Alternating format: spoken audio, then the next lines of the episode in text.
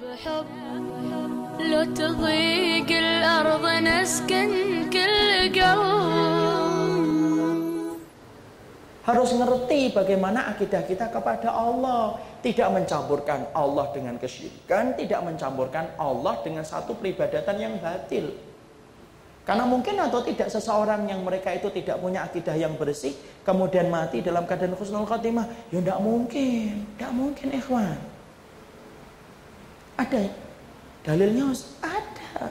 Kejadiannya pernah kita lihat dari seseorang yang bernama yaitu Umar Al-Hamawi atau yang disebut dengan Ibnul Farid. Ibnul Farid itu ahli, dia itu ahli ibadah. Loh, ahli ibadah. Tapi walaupun dia itu ahli ibadah, ada satu kesalahan fatal yang dilakukan oleh Ibnul Farid. Apa kesalahan fatal yang dilakukan oleh Ibnul Farid? Loh, Ibnul Farid itu, Masya Allah ya, dia itu punya pemikiran yang menyimpang di dalam akidah, tidak main-main. Apa pemikiran menyimpang yang dimiliki oleh Ibnul Farid? Loh, Ibnul Farid itu meyakini bahwasanya Allah itu bersemayam dalam tubuhnya makhluk ketika makhluk itu ahli ibadah, ketika ekstra ibadah dia kepada Allah. Jadi menurut Ibnul Farid, jadi manusia itu ketika beribadah dia naik posisinya, semakin banyak ibadahnya semakin naik. Allah ada di atas, semakin turun. Karena Allah turun mendekat kepada orang yang beribadah. Maka kemudian ketika mereka saling mendekat, mereka ketemu di satu titik.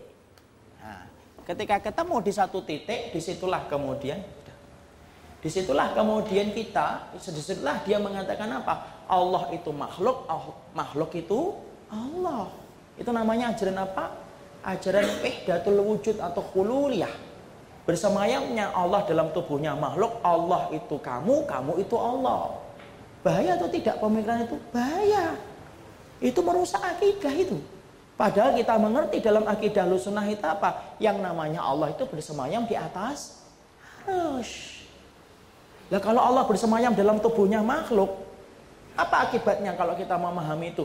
Berarti Allah bisa salah ketika sedang bersemayam dalam tubuhnya makhluk. Allah masih bisa merasakan sakit ketika hamba itu kita pukul. Bahaya pemikiran itu, bahaya. Bahayanya dalam masalah apa Ustaz? Dalam masalah akidah. Dalam masalah akidah itu bahaya. Perhatikan apa yang terjadi. Orang-orang datang kepada Ibnul Farid atau yang disebut dengan Umar Al-Hamawi untuk kemudian menyampaikan kepadanya sebuah nasihat.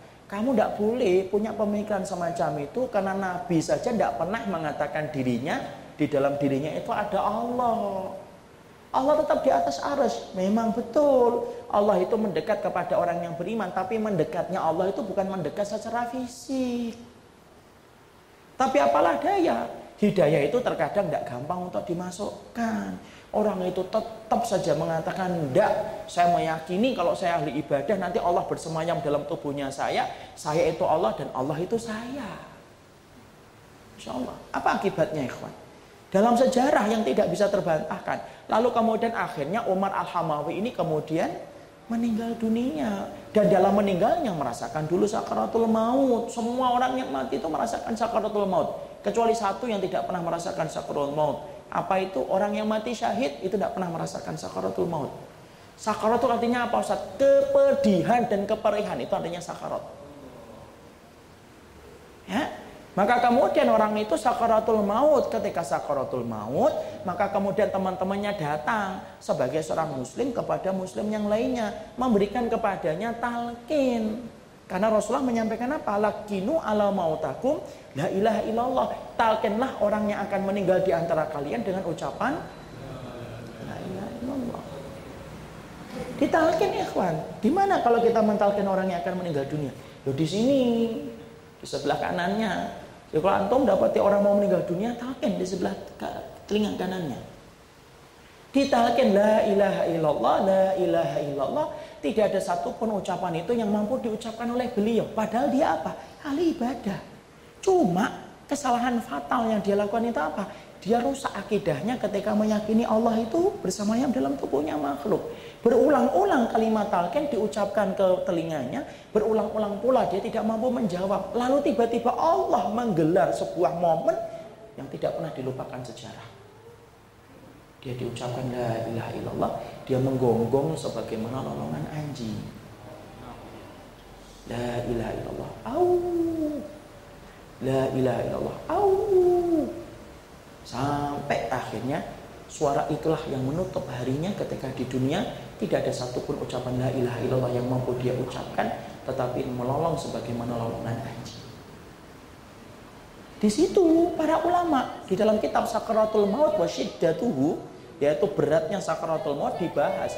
Perkara yang menjadikan akhirnya kehidupan akhirat kita rusak itu apa? Kalau hubungan kamu dengan Allah sudah rusak dalam bentuk akidah yang salah, maka akhirnya apa? Allah ninggalin kita sebagaimana kita telah meninggalkan Allah dalam urusan akidah.